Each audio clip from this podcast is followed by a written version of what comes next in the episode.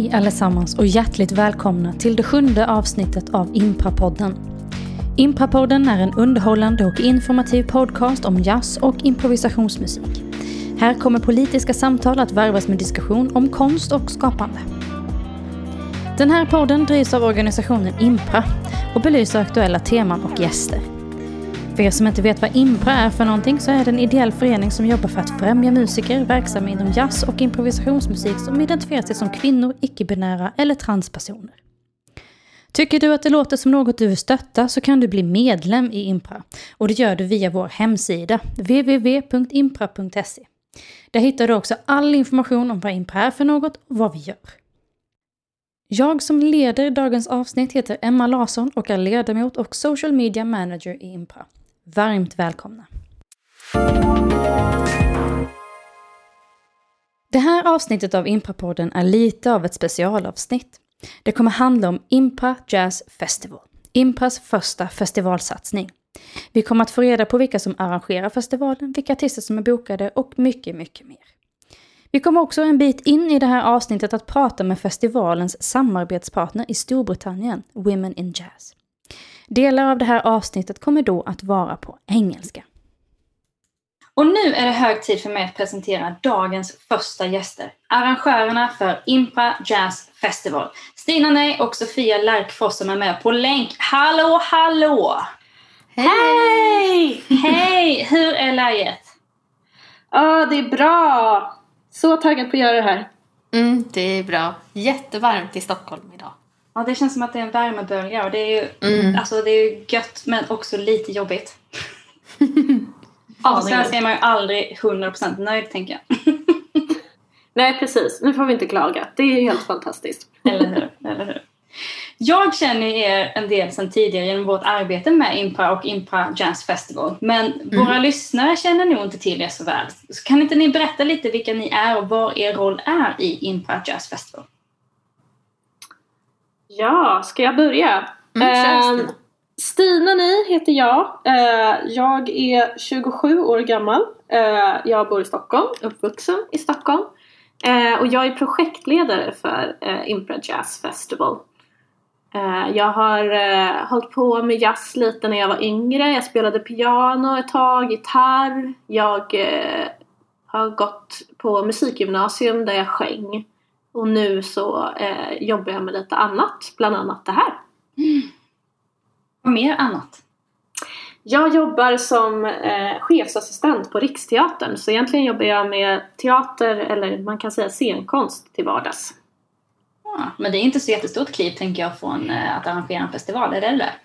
Nej, det skulle jag inte säga. Vi jobbar ju med en massa små lokala arrangörer i, med, i och med alla riksteaterföreningar som finns ute i landet så att eh, det är väldigt likt. Du känner att du är på hemmavatten så att säga.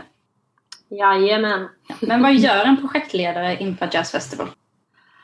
Ja, jag försöker att hålla ihop allting. Eh, från eh, hålla koll på alla som är med. Skojar.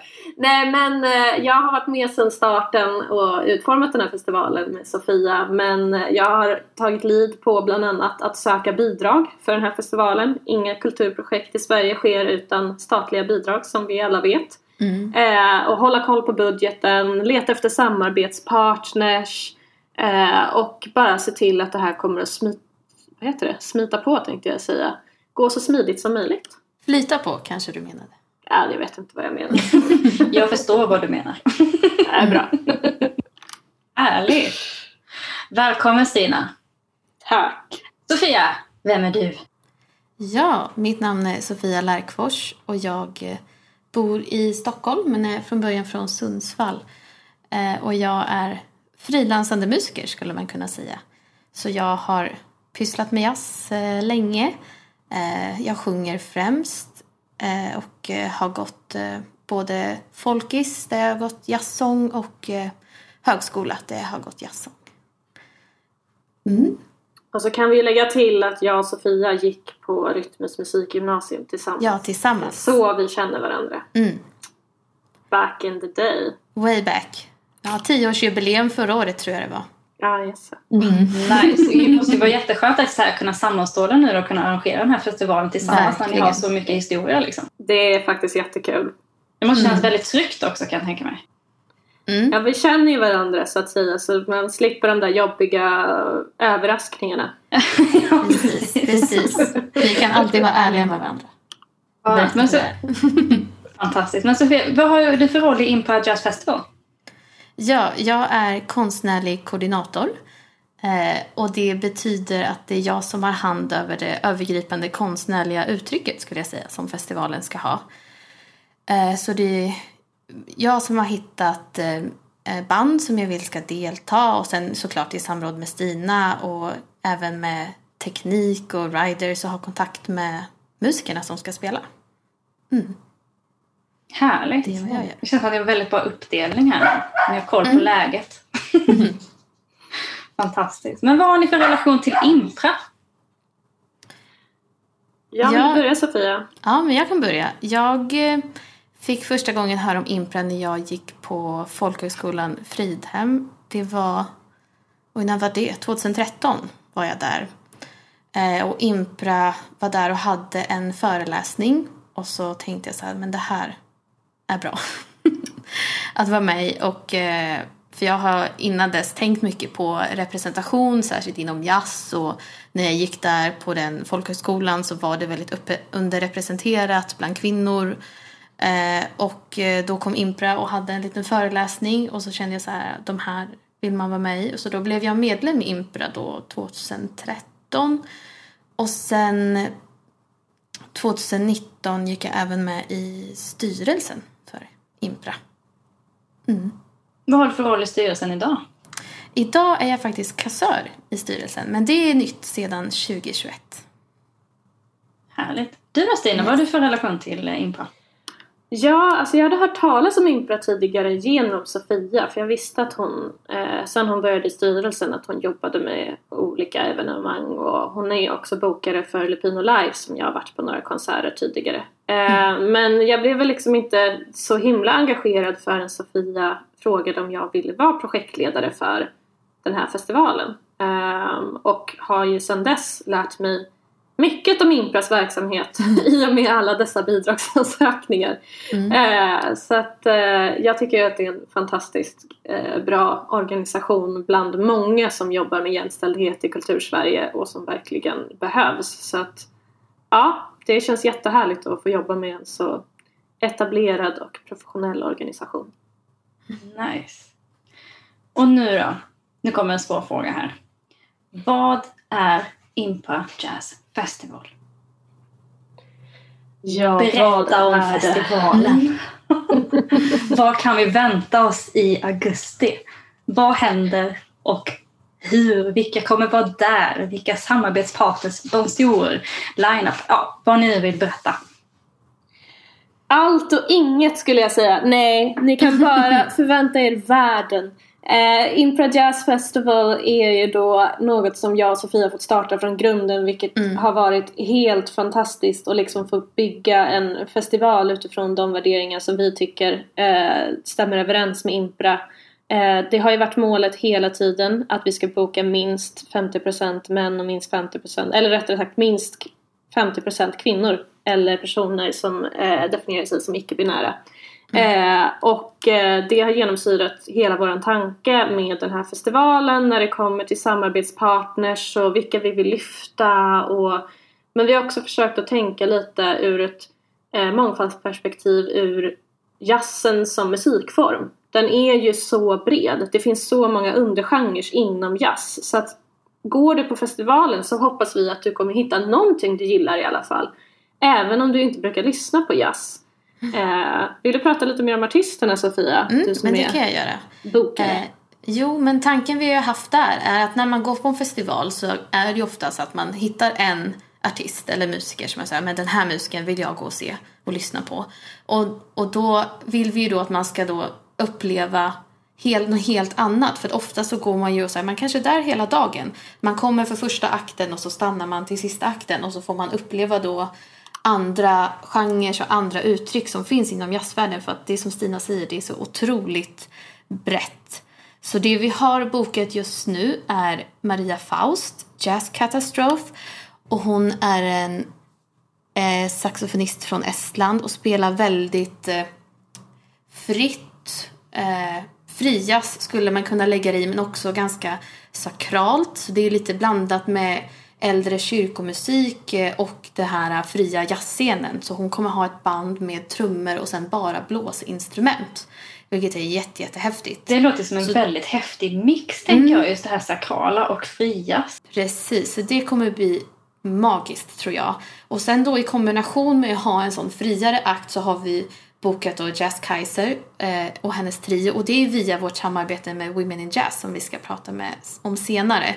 Och hon spelar då lite mer afrobeat eh, och sen för att komplettera det så har vi Iris Bergenkrantz som är lite mer inne på den traditionella blandningen med visa och så nordisk folkmusik i kombination med eh, jazz. Det låter som en riktigt härlig, salig blandning alltså. Mm, Så sen då för att komplettera det så har vi ett open call.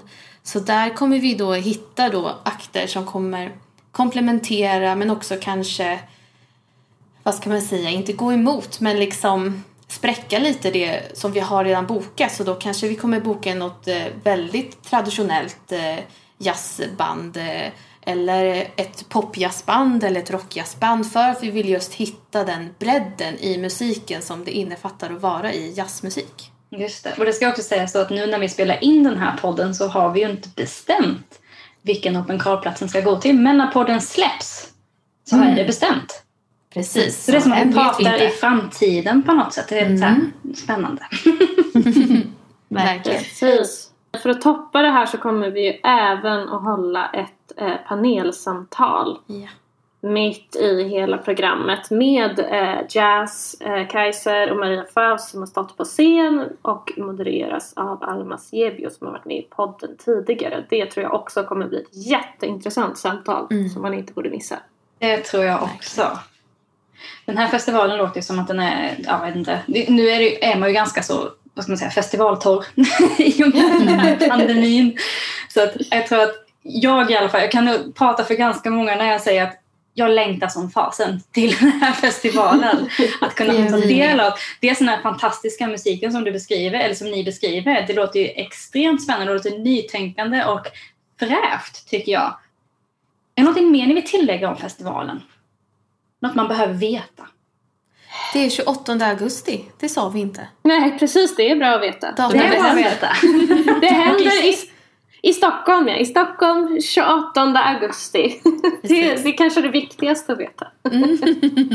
Och man kan hålla mer utkik på våra sociala medier, på Impas eh, sociala medier men också på Impas hemsida www.impa.se och där kan man också läsa mer eh, och få lite mer updates live eh, före mm. och ja, efter den här podden har släppts då så kommer det upp lite mer information där. Precis. Härligt, härligt. Men hur fick ni idén till att starta den här jazzfestivalen? Ja, det var... Jag har pratat med de som var med i styrelsen då och vi är inte riktigt helt hundra faktiskt. Det hela började ju med att vi gjorde en slags översiktsberäkning och tittade lite på jazzfestivaler liksom i Sverige för att se hur, hur ser eh, könsfördelningen ut här? Hur, hur ser jämlikheten, jämställdheten, mångfalden och kom fram till liksom att det kanske inte var riktigt vad vi hade önskat som förening och Impra. För att Impras mål är ju i grund och botten att det inte behöva finnas. Att det ska inte behöva finnas en organisation som ska liksom pusha den här agendan för att det ska vara så uppenbart att det ska vara så, 50-50.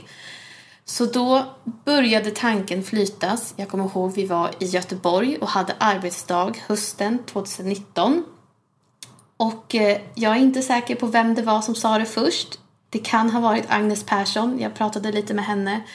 Eh, och eh, då var vi så här, borde vi kanske inte då visa att det verkligen går att göra en jämställd jazzfestival. Eh, och då var jag snabbt på bollen där och sa ja, vi ska göra det här. Jag börjar dra i det här nu på en gång. Nice. Och, Taggad redan från start? Mm, ja, ja, jag blev jätte, jättetaggad. Eh, för jag är även bokare för en av eh, Impras jazzklubbar i Stockholm, Lupino Live. Så jag har ju jobbat mycket med jämställd bokning innan. Mm. Jag har fått nämnde det ja. om Lupino Live just med här. För att just med jämställd bokning och sådana saker. För att Impa Jazz Festival vill ju, eller är ju en jämställd festival. Och då undrar man ju lite, hur har det arbetet gått till? Men du jobbar ju med Lupino Live eh, som ju är, som du sa, en av Impas jazzklubbar som är baserad i Stockholm. Mm. Eh, men kan du inte berätta lite om hur det här arbetet för att boka en jämställd scen går till? Ja, eh,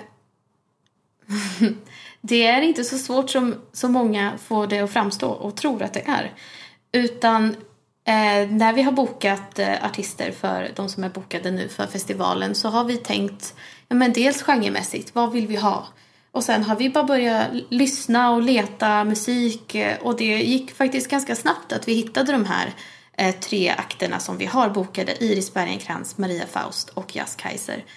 Eh, för att eh, det finns så många eh, musiker som är icke-män oavsett vad många vill få det framstå. Så att det är inte alls särskilt svårt skulle jag säga och påstå. och sen är det ju också det är därför vi har gjort en kombination med Open Call. För nu, det som har blivit bokat, det blir ju mycket utifrån min syn och mitt kontaktverk, kontaktnätverk, Nej. nätverk. Så, för jag, liksom, så jag, vilka jag vet spelar och, vi, och så frågar jag musiker jag känner och liksom så här, vilka tycker du är bra, vilka lyssnar du på? Och sen har det ju trillat fram jättemånga bra alternativ. Eh, så det är så vi har eh, bokat för, för jazzfestivalen. Och sen har vi också då gått igenom, vi har ju bett dem skicka in vad, vilka är det ni ska spela med. Så du tittar liksom på hela bandet? Precis, på helheten. För det, det är någonting som inte var en självklarhet från början att vi skulle endast ha kvinnliga headliners. Utan men vi har insett att det är inte så många band där det är en manlig headliner som har kvinnor med i line-upen. Eh, men det får vi ju se hur det blir nu efter Open Call-ansökningarna kommer in också. Eftersom vi kollar ju som sagt på helheten. Det är inte bara att headlinern ska vara eh, kvinna, trans eller icke-binär utan det ska vara genomsyra hela festivalen. Alla musikerna som står på scenen. Precis. Det tycker jag är jätteviktigt att påpeka också att, eh, att det handlar inte om, ja, men många festivaler när de bokar när de ska göra sin jämställdhetskvot eller vad man ska kalla det mm. så bokar man en kvinnlig headliner. Det är inte bara inom jazzbranschen utan inom alla branscher. Men den trummisen som sitter bakom sångaren är minst lika viktig. Så att Precis. det tycker jag är ett jättebra sätt som Lupino Live har jobbat på tidigare och jag är så glad att vi fortsätter att jobba med det. Mm. Att vi mm. tittar på helheten. Väldigt intressant. Väldigt intressant. Och vi nämner ju Lupino Live flera, flera gånger. Och Lupino mm. Live är ju med och arrangerar det här Open Call som då är med i Jazz Festival. Men som för våra lyssnare som inte har en aning om vad Lupino Live är. Kan du inte berätta lite om Lupino Live? Var finns ni? Hur kommer man i kontakt med er? Var hittar man info? Var hörs ni? Ja, absolut. Lupino Live är en fristående jazzklubb som är baserad i Stockholm. Men vi har ingen fast scen utan vi bokar in oss på tillgängliga scener eh, beroende på vilka som ska spela och vad vi har bokat för musik. Så det är jag och eh, Sara Alexandersson som driver den klubben just nu. Eh, och redan där har vi haft liksom ett tänk att eh, det, ska, det ska alltid vara minst eh, 50% minimum. Kvinnor, trans, icke-binära musiker på scenen. Eh, och eh, vi brukar tidigare när vi fick ha en fysisk publik så bokade vi alltid två akter och då tyckte vi om att boka nationellt och internationellt. Dels för att musiker ska träffas och kunna börja samarbeta, börja prata med varandra och för att som vi gör med festivalen nu få olika jazzuttryck. Att eh, är någon som kommer på konserten kanske kommer för första akten eller för, för, eh, för första bandet som ska spela Eh, och sen så stannar man för att det är ett annat band man inte vet vad det är och sen så får man uppleva någon helt ny musik. Så då istället för att vi har ett band spela två set som är ganska vanligt på en jazzkonsert så är det ett band per set. Eh, och där bokar vi genom att man ansöker till lupinolive.impra.se, vår mejladress. Och så finns vi även på Facebook, har en Facebook-sida, den heter också Lupino Live och så har vi en Instagram och den heter också Lupino Live och sen finns vi självklart på Impras hemsida och då går man in på impra.se och trycker på jazzklubbar tror jag det heter. Men sen får vi inte glömma att det finns även en systerklubb som heter Klubb Kom In i Göteborg. Som också jobbar med samma principer som Lupino Live gör. Ja, Precis, och Impa har alltså två stycken jazzklubbar. Dels Klubb Kom In i Göteborg och Lupino Live i Stockholm. Och vill man då hålla koll på dessa två klubbarna och vad de gör så gå in på, kika in på deras sociala medier men också impa.se, vår hemsida. Där hittar ni också all information och det uppdateras kontinuerligt. Precis. Nu har vi kommit till en liten speciell fråga här. Vi kan ju inte undgå det här med pandemin. Mm. Är ju tyvärr. hängande över oss fortfarande.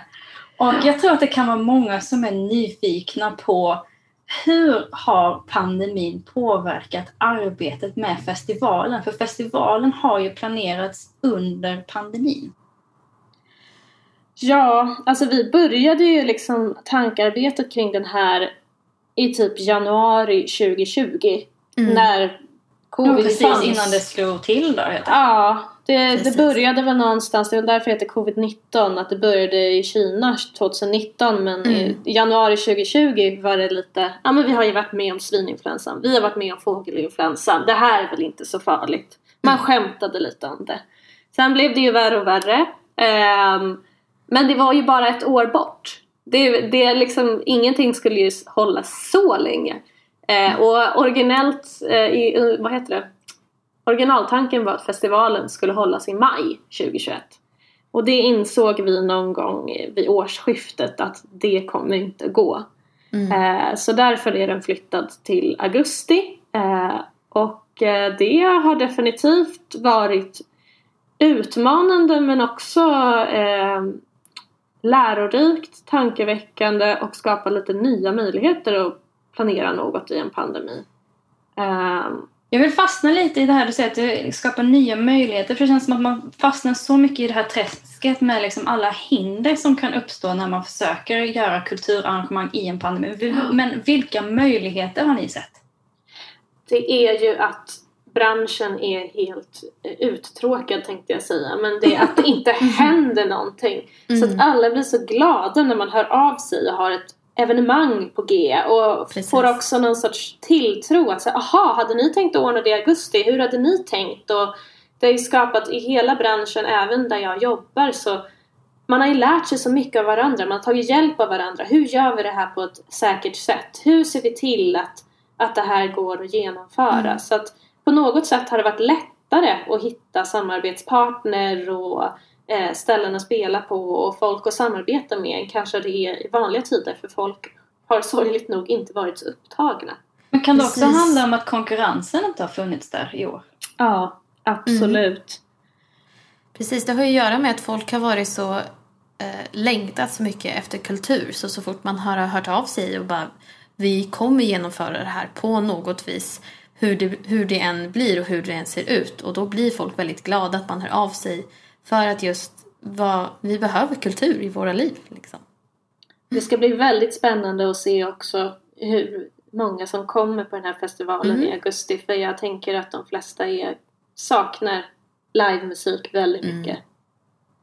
Det tror jag också, speciellt vi och de som håller på med musik. Jag menar, livekonserter som ju Lupino Live har arrangerat flitigt nu under det här året. Men det är ju en sak och det är fantastiskt att det finns, men jag menar, att uppleva musik i stunden som skapats, bara några, som skapas några meter bort av riktiga Precis. människor. Det är ju någonting magiskt med det. Det blir ju aldrig riktigt samma sak. Det, det pratade jag och Sara om som är med i Lupino Live. För vi spelade in en konsert som kommer läggas ut snart. Eller den har ju lagts ut för länge sedan när den här podden släpps. Men eh, det är ju någonting alldeles speciellt och vi säger det till musikerna som kommer att vi, vi ser det här som att vi får en personlig konsert till oss nu. För att det är ju bara vi där och eh, personen som filmar och spelar in. Så att det, det var verkligen magiskt att få vara i musik och få uppleva den där spänningen och intensiteten som blir i luften. Så jag ser verkligen, verkligen fram emot. Jag tänker att det blir en, en återkoppling till liksom vad kultur är och varför det är Mm. viktigt för oss. Det känns som att alla har fått en liten tankeställare kring varför det, varför det finns och varför vi behöver statliga bidrag för det här. Mm. Jag menar kulturen har varit extremt duktig på att ställa om som Sofia berättade, Pino Live har spelat in jättefina konserter med fantastiska musiker och gjort det på ett jätteprofessionellt sätt. Mm. Men det ersätter aldrig riktigt den där Den riktiga, riktiga varan. varan. Ja. Känslan man får. Så liksom. att eh, vi har ju hela, det är många som har frågat oss på vägen, ska ni inte, ska ni göra en inspelad version? Vad händer om, vad händer om det fortfarande är en pandemi? Och där har man verkligen varit tvungen att ha is i magen och lita på sina egna instinkter att Mm. jo, vi kommer kunna klara det här. Vi tänker inte planera för det ännu. För att festivalen kommer ju genomföras den 28 augusti, alltså i slutet på augusti. Yes. Och vi kan ju, nu med liksom allt som har hänt med pandemin så kan vi ju vara säkra på att det kommer ju inte vara 100% över i augusti. Nej, tyvärr. Men vi hoppas ju att folk har fått vaccin. Så att man Mm. fler och fler kan bli vaccinerade och att det liksom ska, vara, ska hjälpa folk att våga gå på sådana här typer av Mm. evenemang. Precis, Precis, och det vi tål... kommer ju se över de restriktioner och, och det som är i augusti och vi får ju anpassa då festivalen till, till det. Från början hade vi den här Eh, visionen om en helt öppen festival och jättemycket människor och liksom man skulle umgås. Och det var ju det för att vi började prata om det här innan pandemin slog till. Men nu, nu kommer vi ju behöva anpassa festivalen och det har jag och Stina pratat väldigt mycket om och resonerat kring hur vi ska göra det på bästa och säkraste sätt. Precis, och det sker ju, kan vi också säga att det sker ju alltså, upp, kontinuerliga uppdateringar Precis. både från oss och från Folkhälsomyndigheten såklart. Och vi har ju, eller ni som arrangerar den här festivalen har ju stenkoll på detta och är proffs på detta. Så att det kommer att anpassas efter de restriktionerna som är gällande i augusti. Just nu är det utformat eftersom, eh, eh, efter de restriktioner som finns just nu men de förändras ju lite successivt och vi kommer ju anpassa oss så att det blir så bra som möjligt och så säkert som möjligt. Absolut. Men då, vilka hinder har ni stött på? För man blir ju lite nyfiken. Jag tänker på fler som har de här tankarna att man vill arrangera någonting. Vad kan man vara beredd på när man gör den här processen? Ja, jag är ju en person som älskar att planera och vara ute i god tid. Mm. Ehm, men våra statliga bidragssystem är inte riktigt utformade på det sättet. Nej, verkligen inte. Så att eh, jag kan säga att vi har fått väldigt mycket avslag på olika bidragsansökningar. Både för att eh, det kanske inte har passat eh, i den tiden eller det urvalet. Många bidragsgivare gör ju en helhetsbedömning också vilket är en utmaning när man söker pengar. För du har ingen aning om vilka andra som kommer söka bidrag under den eh, sö- ansökningsperioden.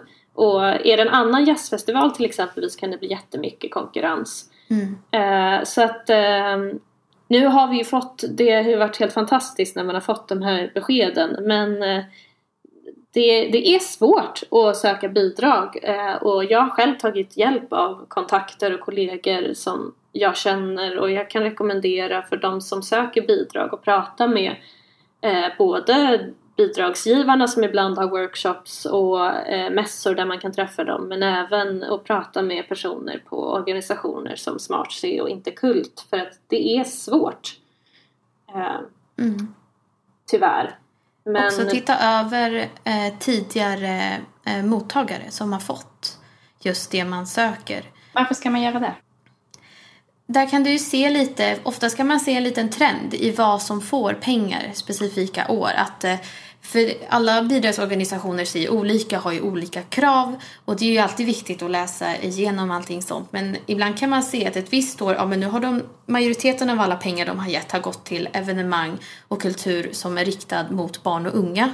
Och sen ett annat år så har de gett alla pengar som har varit inriktade mot eh, någon annan minoritet. Så att man kan se liksom en tydlig tråd, eh, tycker jag ibland, på, på inte alla, men många av de bidragsgivare som finns.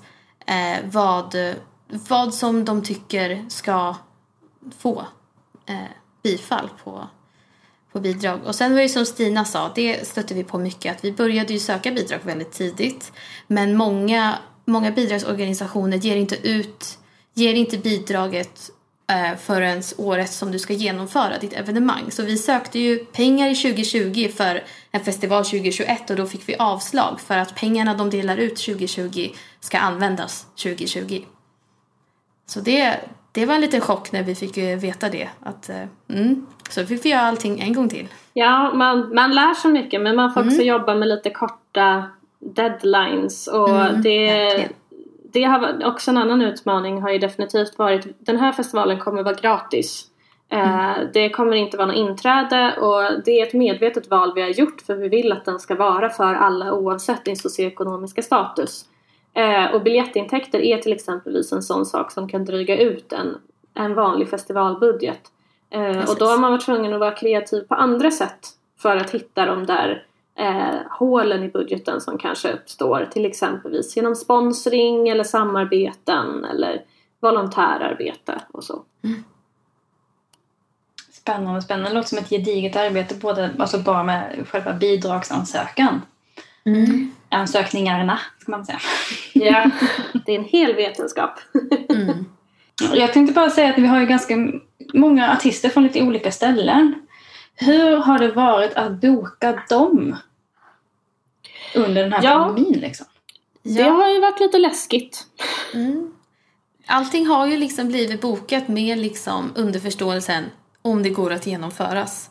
Så vi har ju fått, liksom, fått ta med det i, i, liksom, i diskussionerna med musikerna, de vi har tillfrågat och i kontrakten och säga det. Om det, om det inte går på grund av pandemin så går det ju inte. Eh, men eh, så vi har ju haft väldigt mycket prat med både managers och eh, musiker som ska spela och sagt det liksom så att de har varit medvetna från första början att liksom allt beror ju på hur situationen ser ut och nu har det egentligen blivit så att det kommer ju bli av. Ja, det har blivit i alla fall i nuläget lättare restriktioner mm, bara för, för, två månader sedan. Ja. Så det är ju jätte, jätteskönt. Jag menar, vi har ju artister från Storbritannien och från Köpenhamn bland annat. Ja men precis, och så kom det en Brexit mitt i allt det där också. Ja, den lilla Eftersom att vi har ett samarbete med en organisation i Storbritannien som heter Women in Jazz eh, och när vi startade det samarbetet så eh, satt jag och Sofia och höll tummarna för att ah, men det blir inte ett avtalslöst Brexit. Nej. De kommer komma överens om någonting. Så gjorde de inte det. Eh, eh, men eh, så att, men det, det verkar ha löst sig men det har ju också definitivt varit en utmaning och någonting som jag tycker är extremt sorgligt för hela branschen. För, ja, för de lyssnare som inte vet det så behöver man nu alltså ett arbetstillstånd för att åka in i Sverige eh, för att jobba här om man kommer från Storbritannien. Mm. Eh, och det här med att hantera arbetstillstånd, ansöka hos Migrationsverket, speciellt som en liten arrangör som Impra, en ideell förening, är jättesvårt. Mm. Eh, och det skadar eh, branschen jättemycket och inte Verkligen. kunna åka fram och tillbaka lätt med Storbritannien som, och liksom Londonscenen som är en av de bästa jazzscenerna i världen. Eh, så det är någonting jag tror att vi i framtiden också kommer få se konsekvenser av och förhoppningsvis eh, stöd från olika intresseorganisationer kring. Mm. Och kanske så blir konsekvensen, det händer någonting av de här konsekvenserna, att man tittar på det och tänker nej, det här funkar inte. Man kan ju hoppas. Men vi har ju i alla fall artister från Storbritannien så det är ju hur gött som helst att det är i nuläget mm. och till festivalen kommer att funka. Det är ju helt amazing. Har ni någon gång velat ge upp arbetet med festivalen under pandemin? Så många gånger. ja, jag håller med. Men det har ändå liksom, man har kommit tillbaka ganska snabbt. Mm. Det har varit liksom en dag, en eller två dagar när man bara, nej. Varför gör man något sånt här? Mastodontprojekt. Och sen händer, får man något mail från någon eh, samarbetspartner eller får jag ett mail från Stina och så, och så ser jag så här, oh, nu löste sig det där problemet. Ja, men det är jättekul igen. Så det är verkligen en berg och dalbana. Det är därför jag jobbar med det här. Det är nästan kicken i att projektleda. När man, när man får lösa upp de där trådarna. När, mm. när allting känns omöjligt och sen så helt plötsligt så, så ser man ljuset i tunneln. Det är en fantastisk känsla och mm. då hjälper det verkligen att ha en bra kollega att jobba med som Sofia som man, mm. där man kan peppa upp varandra emellanåt. Ja, när, jag, när jag inte är taggad då tar hon ledningen och sen när hon känner sig nere då tar jag ledningen. Eh, det är skönt att inte behöva vara ensam i arbetet. Nej, verkligen. Men man behöver vara medveten om när man, om man vill starta ett sånt här projekt att man måste verkligen, det kommer komma mycket hinder men man måste liksom hålla fast vid sin grundvision och, och tankar så här, var, men varför började man det här projektet från första början? För att komma ur de där tillfällena när man tycker det är för jobbigt och vill bara sluta. Vad har ni mött för reaktioner efter lanseringen? Mycket taggade människor. Både människor som brukar lyssna på jazz och människor som kanske inte brukar lyssna på lite, lika mycket jazz tycker att det här låter som ett fantastiskt initiativ. Jag fick höra från en vän att Stina, ni har hittat en otappad eh, vad kallar hon det, källa inom eh, musikbranschen. Jag tror att det här kommer gå jättebra. Det gör en ju också glad när man hör sånt där. Eh, inga negativa utrop mer än Oj, ska ni ha en festival i augusti? Mm. Jag har faktiskt bara hört eh, positiva. Och någon kanske som bara, men ni kanske borde göra den streamad. Alltså den kommentaren har man ju fått. Men annars har det bara varit, gud vad kul med kultur, äntligen. Äntligen konsert. Faktiskt. Vad skönt. Det kan man också känna då om man liksom börjar tvivla på att arrangera festivalen överhuvudtaget och så hör man liksom allt positivt som, har, som kommer Verkligen. efter lanseringen och bara ja, vi är på rätt spår. Det måste ju vara jätteskönt att få den bekräftelsen. Absolut. Vilka tips vill ni ge till de som planerar att genomföra ett evenemang inom en snar framtid? Vi har varit inne och nosat på det där. Vi har pratat lite om hinder och lite sådana här saker. Men har ni några konkreta tips? Gör så här. Gör inte så här. Men jag skulle säga, alltså steg nummer ett är liksom, vad vill du göra? Mm. Sätt en plan, alltså en, en, en stor form som man säger inom musik. Eh, gör en skiss på liksom, jag vill att det ska vara en festival.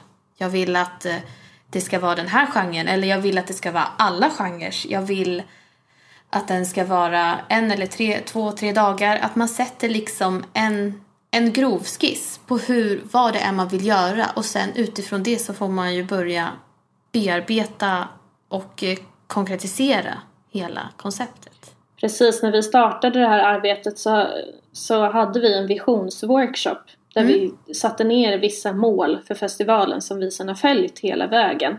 Eh, Vad är det för som har mål då? hjälpt. Ja, vad är det för mål? Men det är bland annat att, att bredda, att visa på bredden inom jazzgenren. Inte bara liksom när det kommer till kön. Eh, Vi ville, vad var det mer för mål? Vi Vi ville gjorde liksom en sån här, eh, vad heter det? En sån här karta. En mindmap. mindmap. Precis. Eh, vi ville lyfta, vi ville att det skulle vara gratis till exempelvis. Det skulle vara tillgängligt för alla. Vi ville samarbeta med partners som, som vi tror på, som vi litar på. Men som har liksom samma värderingar och liksom målsättningar som Impra har som organisation. Och startar man ett projekt på det sättet så är det mycket lättare att det inte svävar iväg. För projekt har en tendens att göra det. Man har så mycket idéer och, och, och självklart, vi har också haft en medvetenhet på hela vägen skulle jag säga att från början så kanske projektet var jättestort. Alltså det var den största jazzfestivalen i Sverige någonsin. men, men, och sen så får man bara, kill your darlings är någonting man bara måste acceptera. Men att vara göra realistisk liksom. Ja. I vad som går att genomföra. Och där är ytterligare ett tips om man tänker att man söker bidrag, vilket är nästan ett måste när man ska genomföra ett kulturevenemang i Sverige. Att eh, många handläggare är alltid jättehjälpsamma och vill ju, de vill ju att kulturen, att det ska bli kulturevenemang. Det är därför de är där. Och många säger, ni måste ha en rimlig budget. Vi, för tänk om ni får alla de här pengarna som i början när vi var så här tre dagar, sju scener, alltså det var ju verkligen på en gigantisk skala vi, vi drömde om. Så var det så här, men tänk om vi får verkligen alla pengar vi söker nu. Kommer vi kunna genomföra då det här mastodont liksom, projektet? Så att man ska vara realistisk och som Stina sa, vara redo på kill your darlings. Och sen skulle jag säga att eh, i dessa tider är det ju lite speciellt att göra kulturevenemang och vi vet ju inte hur länge de här restriktionerna kommer ligga kvar. Eh, och det är ju såklart en konstant oro. Tänk om det händer någonting. Och du har ju ett ansvar som arrangör att se till att de som är, spelar på festivalen och de som besöker festivalen inte riskerar sin hälsa. Så att Precis. att sätta en beredskapsplan, att göra eh, riskbedömningar ger inte bara bra ur det perspektivet att du är redo om någonting händer men det ger dig också lite lugn i ditt arrangörskap. Att du faktiskt har, när, när det där händer och du har panik, då har du ett dokument som du kan kolla på. Just det, om någon blev sjuk så skulle jag bete mig på det här sättet, jag skulle göra det på det här sättet. Så att Precis. det är också väldigt bra. Och sen mitt största tips är ha ett bra projektverktyg. jag är en, en Trelloboard-fantast. Det är mm. jättebra att kunna få en överblick när man har så här stora projekt. Så att, och också kunna ha lite inspirerande bilder och så. Mm, men det var jättebra. Det har Stina introducerat mig till, Trelloboarden. så där har, vi, här, där har vi lagt ut hela festivalen i, i en sån grov skiss. Liksom. Mm. Fantastiskt. Vad tänker ni framtiden för festivalen? Är det liksom en engångsförteelse här eller har ni tänkt så långt att det kommer kanske ske fler gånger Impro Jazz Festival? Ja, vi har väl en eh, förhoppning av att det här mm. skulle kunna bli ett återkommande tema i Impras verksamhet. Precis. Det här får bli lite pilotprojekt, testa hur det går, se hur det tas emot. Eh, men vi har ju haft lite fokus på eh, internationella samarbeten med mm. den här mm. festivalen förutom då hela jämställdhetsfokuset och det är någonting som jag skulle tycka var väldigt intressant att fortsätta utveckla och samarbeta med andra partner i andra länder som har liknande tankar och problematik. Mm. Det tycker jag är väldigt intressant och spännande. Mm. Härligt, härligt. Är det någonting mer ni vill förmedla om Impra Jazz Festival? Kom på festivalen! Ja. det kommer bli jättekul!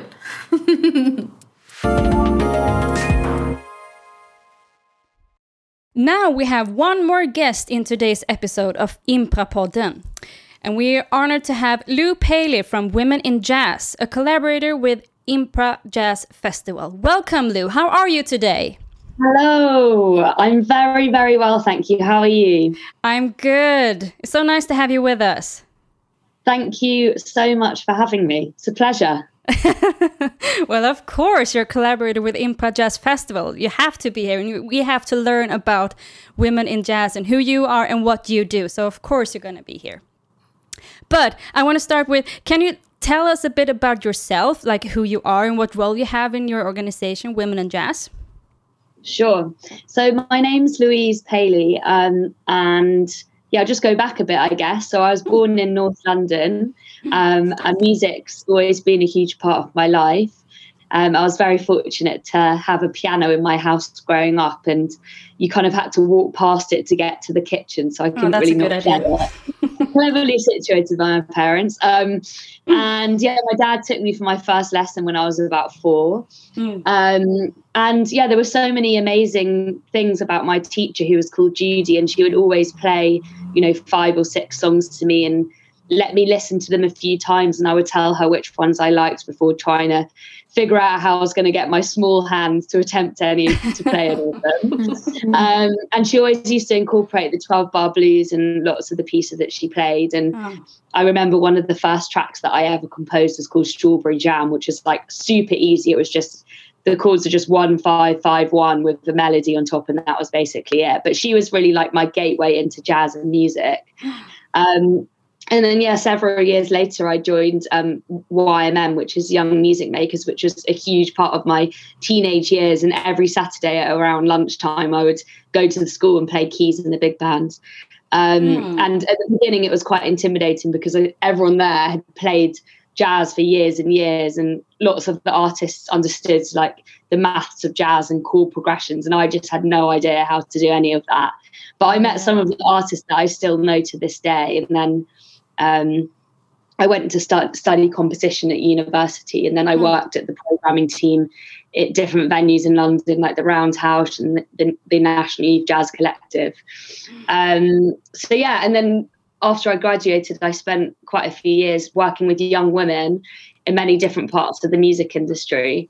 Um, and lots of the women that I worked with didn't really have any role models growing up um, and they didn't have the confidence to pursue careers in jazz. And I always thought that was a huge shame because so many of the artists that I worked with were unbelievably talented, but mm. just felt like they didn't have the support around them to actually enter the world of jazz. And I got to a point in my career where I really wanted to do something about it and learn about the journeys and the stories of these artists and tell them to as many people as possible. Mm. Um, so that's how it was born. And what I really wanted to do was create, you know, a sustainable place to champion the talents of these artists to inspire the next generation of talent. And that's really at the heart of everything that we do from, you know, our live events to our radio shows to digital content. Um, so, yeah, we were born in 2018, and then we've kind of grown these different strands, um, all to champion and nurture female jazz artists. Mm, cool. That's a quite a long journey you had there. I thought about the big band moment you talked about. I mean, isn't that like the best way to learn something new? To just go right ahead into it and not have a clue how to do it and just work it out?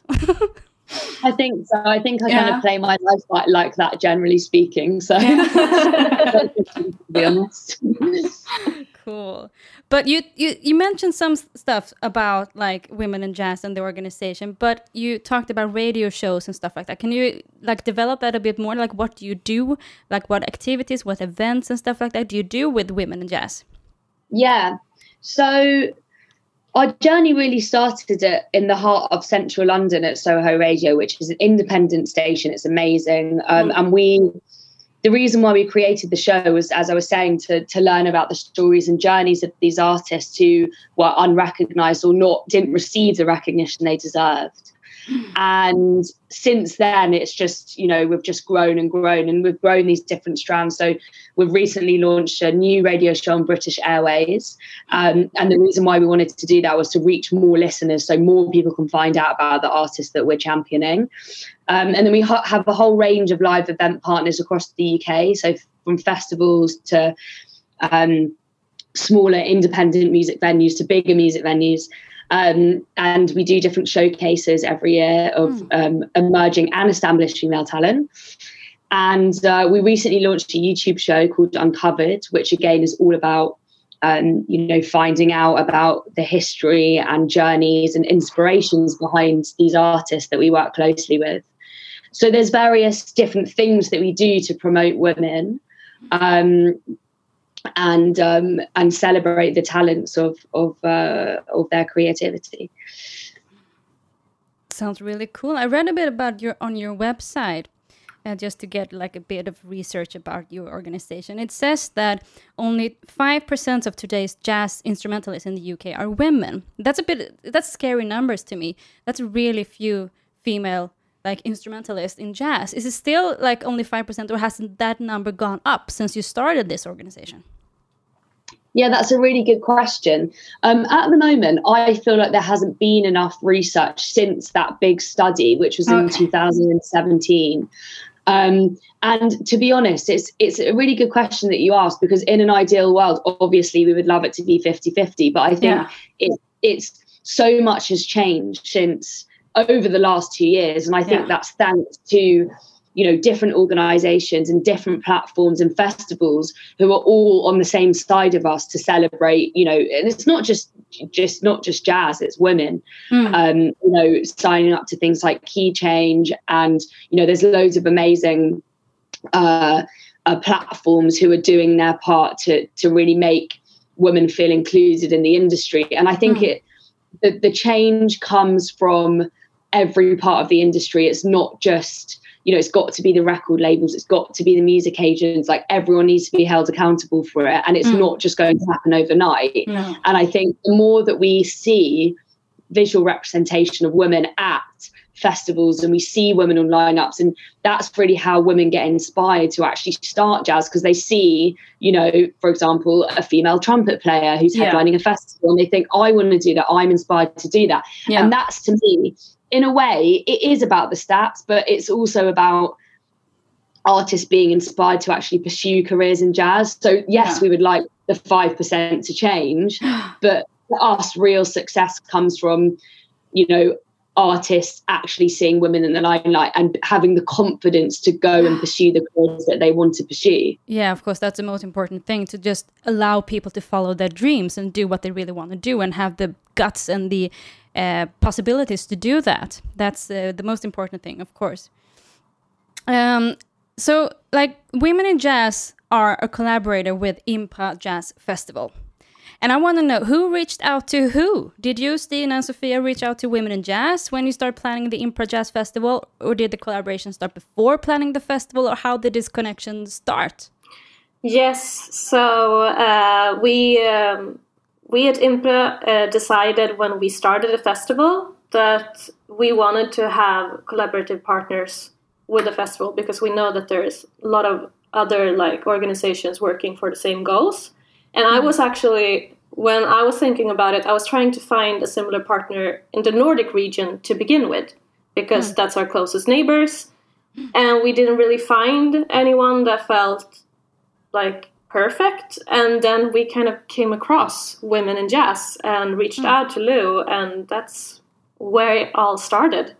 Um, and we were so excited to meet another organization that works with the same kind of agenda and goals that we do. Nice. But so you hadn't heard of about Impra uh, Women in Jazz before you started like researching for a collaborator with Impra Jazz Festival. I hadn't, but I think you had, Sophia. Or? Uh, no, actually not. I I mixed uh, them up with the Women International Jazz Festival because you have the same acronym WIJ. So I thought it was uh, uh, the same. And then when I we started to Google to see if they could be a collaborative partner, we find Women in Jazz and thought like this is the organization we should uh, work with. Nice. It's so amazing that these two organizations found each other, like IMPA and Women in Jazz. And I want to talk a little bit about how organizations like ours can develop a closer and a better wor- working relation, rela- blah, sorry, relationship when we're uh, we have the same goals in the music industry to give more space to non-male musicians. Like, how can we explore and develop this uh, collaboration between ours and but also other organizations like ours? Yeah, I think that this is obviously not like a, only a Swedish issue or a like UK issue. So I think it's every context is different, of course, and uh, the infrastructure also is different in the different countries. Uh, and I think that we can learn a lot from each other. Um, but I also think it's interesting because there is, as Lou said, there is a lot happening is in this like day and age. And like after me too we saw a very big change in at least like the way that people react to equality in sweden uh, and want to make like a more conscious effort. Um, so i think it's just about like learning from each other and also of course like collaborating exchanging artists and I'm really like touched about your story about uh, having a piano, Lou, uh, in your home because I also that's also where I started, where like playing Twinkle Twinkle Little Star with my with my father when I was younger. Uh, but I didn't have like those kind of role models where I could like get into this scene. I had kind of a very strict piano uh, teacher, and I got sick of it at like 13. The, the age where you start rebelling against family and norms and everything. Uh, so I stopped playing the piano, and to this day, that's like kind of a sadness for me. Uh, so I know how important it is to like from a young age see your potential, um, and I find it very touching that we can like connect on that. Yeah, but I believe also that these kinds of organizations are just the beginning because when you start something like that it usually starts with you look at your own country you look at the statistics and the numbers. But as lou said it's when you go to a festival or a concert and you see someone up there representing you and you can say oh i can do that when i grow up if you're younger. And also i was as dina said really surprised when we couldn't find other organizations that worked uh, like Impra and Women in Jazz do to promote jazz musicians who don't identify as uh, men because uh, we looked in Finland and we looked in Norway and we looked in Denmark and couldn't really find a great fit. We could find other genres. I think we found one that was folk music in Finland. Uh, but we wanted to find someone who specified on jazz because that is a typically male dominated genre in music. Yeah, because I feel like when I try to research, it just like you says, it when I try to try to research these organizations, it feels like the same thing when you try to research like female band members. You have to like really dig deep to Yeah. find them. and I think that's a big issue, and I think that's a, like a problem that is so easy to fix these days. I mean, all it takes is a website with just links to different organizations. Like uh, Lou, you mentioned, for example, keychains. Do you can you like name drop a few other organizations or yeah collaborators that you have in the UK that you would like to share with us and to give tips to our lips our listeners? Yeah, of course. Um, well, to be honest, all the partners that we work with are huge champions of female talent. So that's from you know Love Supreme Festival to Ronnie Scott's to Albright, um, you know Jazz Cafe. Like all of our partners are totally on the same page as us, and I think going back to what we were saying earlier about collaboration and partnership mm. is the most important thing, um, you know, in any creative industry, but particularly the music industry. When you really want to get something off the ground and you want to reach more people and you want to inspire more people, you have to collaborate. You have to collaborate with people who are bigger than you, who have yeah, and, and share your skills and knowledge mm, yeah. to to create something bigger and more meaningful. And that's what we've tried to do since the very beginning. Like we can't do this by ourselves. So who can help us along the way? And we've been really fortunate enough to work with some amazing partners and also artists, you know, women and men who um, have been really supportive of um, of our platforms. So it's it's very much been uh, a joint uh, ex- experience since we began. Mm. No, I think like that's the key to any cultural endeavor. To be honest, like mm. collaborating, uh, it's it's lonely out there otherwise, uh, and it's also that's like one of the key things I think in like art in general. What happens when you connect with something else or someone else or somewhere else, something new? Mm. It's all about exactly. developing new new ways of thinking, new ways of being. That is so true. When you started Women in Jazz, Lou, uh, did you like find that it was um, how to say this uh, a bit of a struggle to get accepted in the jazz industry in the music business. Because I can re rem remember like when I heard Impa Podden's first episode with founders of Impa, Gunilla Törnfeldt and uh, Lina Nyberg, and they talked about when they started Impa, they um, they got so many negative comments and so much like work uphill, if you know what I mean. Jobba i uppförsbacke. They had to work so hard to get accepted, and yeah. But in the end, there was really like positive comments and uh, yeah, critics and stuff like that that just accepted improv for who they are. But did you see like how was it when you started Women in Jazz? It's a good question. Um, well, I think generally everyone has been everyone that we have worked with has been really, really supportive. Hmm. Um, you know, I think like like any uh, business that anyone starts, there's there's going to be people that don't necessarily agree with it, or um, you know, don't they might feel like they don't align with it, and that's absolutely fine. Mm. Um, but I think that's the nature of starting any anything really. Mm. Um, but we didn't really have any, you know, backlash or you know people saying that they weren't invested in it i think those people probably just you know don't follow us or come to our events. Mm. um, but, um, we were amazed and quite overwhelmed with how quickly our community grew. I mean you know in two years we had like nearly 10,000 artists wow. Oh, wow. Mm, mm. who um who, who were part of our community. So you know, and, and, and to us, those are the kind of people that we want to work with, you know, people who, um, uh, musicians whereby, you know, we are completely and totally and utterly in love with their music. Um, and, uh, you know, really it's a place for sharing and learning and, uh, understanding how different musicians work from mm. different backgrounds and jazz expression. So, wow, ten thousand people working like in your with women in jazz. That's so that's so amazing, awesome.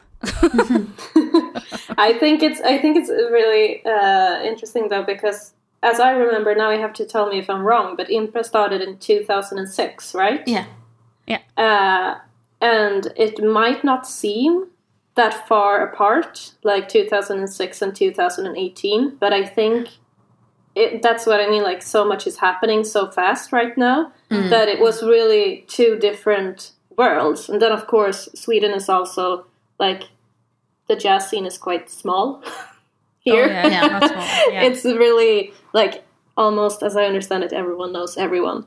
Um, and yeah. more gossipy maybe but uh, it gives me uh, a lot of hope to see that things are happening uh, so fast but i also think that we can learn a lot from the uk scene yeah. Yeah, absolutely. I mean, when Impa started, it, there wasn't social media. That's a No. big thing.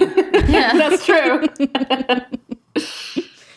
But I want to touch down a little bit. You mentioned, like, but all of you mentioned that the importance of representation on when you on the music scene. Yeah. That it is so important for young, inspired, um, excited musicians, uh, non-male, like female and transgender and uh, non-binary people, to see though the, like their future selves on stage someone who they can relate to. Like for me for example i never needed that and i feel like am i alone? Because i could always relate to the male bass player.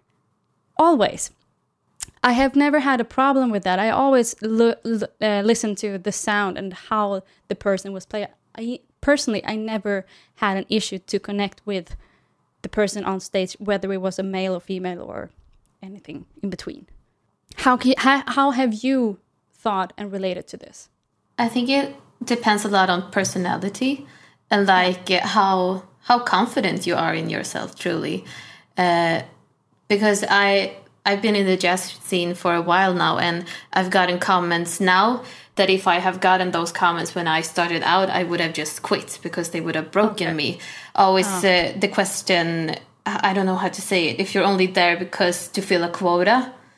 Like I've been asked that in the in uh, in situations when we're supposed to go on stage and then play play music and someone's asked me oh you're only here because you're quota because i'm the only woman in the band uh, and that's uh, and that's really hard to Yeah. to hear and then be like that Yeah. no and and then i feel i feel it's different uh, from people person to person. If you see someone up there you can relate to but it's also like the mindset of the people you see playing.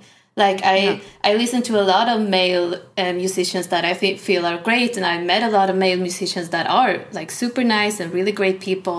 And i wouldn't be like no i can't look up to you because you're a man but mm, mm. I, I feel like it, it comes with growing with the music scene and mm. and knowing uh, how to to accept that and also to to want to see the change. I feel like that's a lot because no i think i think that but also like a vocalist because that's what i am uh, it's hard because it's always comments also that's like oh but the girl is always a vocalist. She doesn't really know oh, music because she just sings. Yeah.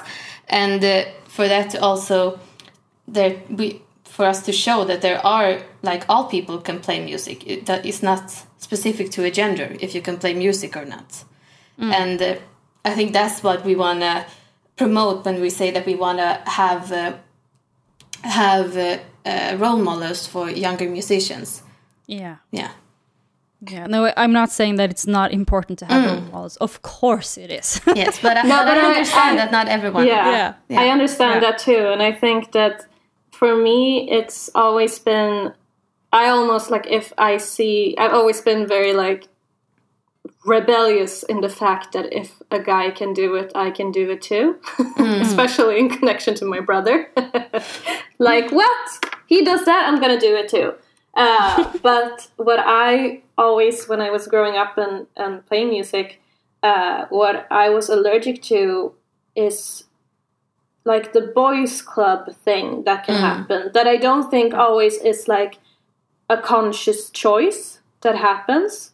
But especially within jazz because it's such like there can be such a high skill level and it's amazing and people are so talented. But then it can be like a boys club with high skill level is what i experienced a lot in high school. Uh, that you had to be a specific person you had to be this like super nerd uh, and usually there were like these guy clusters that were playing together and it was really hard to get in. Um, and those, I feel like I know that there's some kind of statistic about this in Sweden, but I can't say what and when, so I'm not going to say any numbers. But it's generally this thing about like getting into the rehearsal rooms or getting into the bands when you're younger changes everything when it comes to your musical career in the mm. future. And that's where it's hard. Um, so I think it's like this thing of being a participant on equal terms. Mm. And connected to that, I must say that I feel like we have a very big problem in Sweden about other representation that than just gender on stage. Like mm. the jazz scene yeah. in Sweden is very elitist and very white. You like it's and it's like I would say it's not only the jazz scene, it's the art scene in general. You have to have gone to the right schools to have met the right people to even get into the scene. It's really hard to get in from the side. So if you don't even know which steps to take, it's really hard to make it. Uh, And that's something that I look forward to working more with uh, in the future. But let's not forget that we're actually making a change with this festival. Yes. Exactly. And we're actually, with this festival, inspiring, I hope at least, other people to continue to work with jazz in any way that they feel is their way. Yeah. And that's like, uh, even though we've planned this pa- um festival in the middle of a pandemic, we're still doing that amazing work, and that we cannot forget that. I mean, this is awesome. yeah and that i also want to say to anyone that is listening like this festival is going to be like an intimate setting you're going to be able to meet people from impra and other musicians so that's also a great reason to come to the festival if not for the music to meet people Yeah. that you can play with um, yes, to network. yes Yep, that's awesome. We are coming to the end of this episode, and we have a recurring element that we will end with here today. Um, the, it's called five fast questions, questions or fem snabba frågor. Um, and I will ask you five questions, and you will answer as fast as you can with the first thing or thought that pops in your head. Okay? Yeah And we will go by the same order since we're so many in this episode. So we will start with Sophia and then Stina and then Lou. All right? Mm-hmm. Are you ready? Yes. Yes. Yeah. Summer or winter? Summer. summer for sure Winter. Breaking the norm. I like it. All right, number two ice cream or cake? Ice cream. Oh my god like what kind of cake i love i love fika so i'm gonna say cake Definitely ice cream. Nice. number three major keys or minor keys? Ooh. Minor keys? yeah minor keys I'm gonna go for major. Nice. Number four a book or a movie? A movie. Mm, I think I'm gonna go with a book. I'm gonna say movie. And the last one, most important one dogs or cats? Dogs. Dogs. Thank God, dogs. we agree on something. It's over. We're Yes, yes. now we can be sure that we can collaborate because we're all Yeah. love dogs. That's awesome. And with those questions, it is time to end the seventh seventh episode of Impra-podden. And I want to thank you all for participating. Thank you, Stina Ney Sofia Larkfors from Impra Jazz Festival, and thank you, Lou Paley from Women in Jazz. Thank you for Thank having you us. Thank you so much. Thank you so much for having me.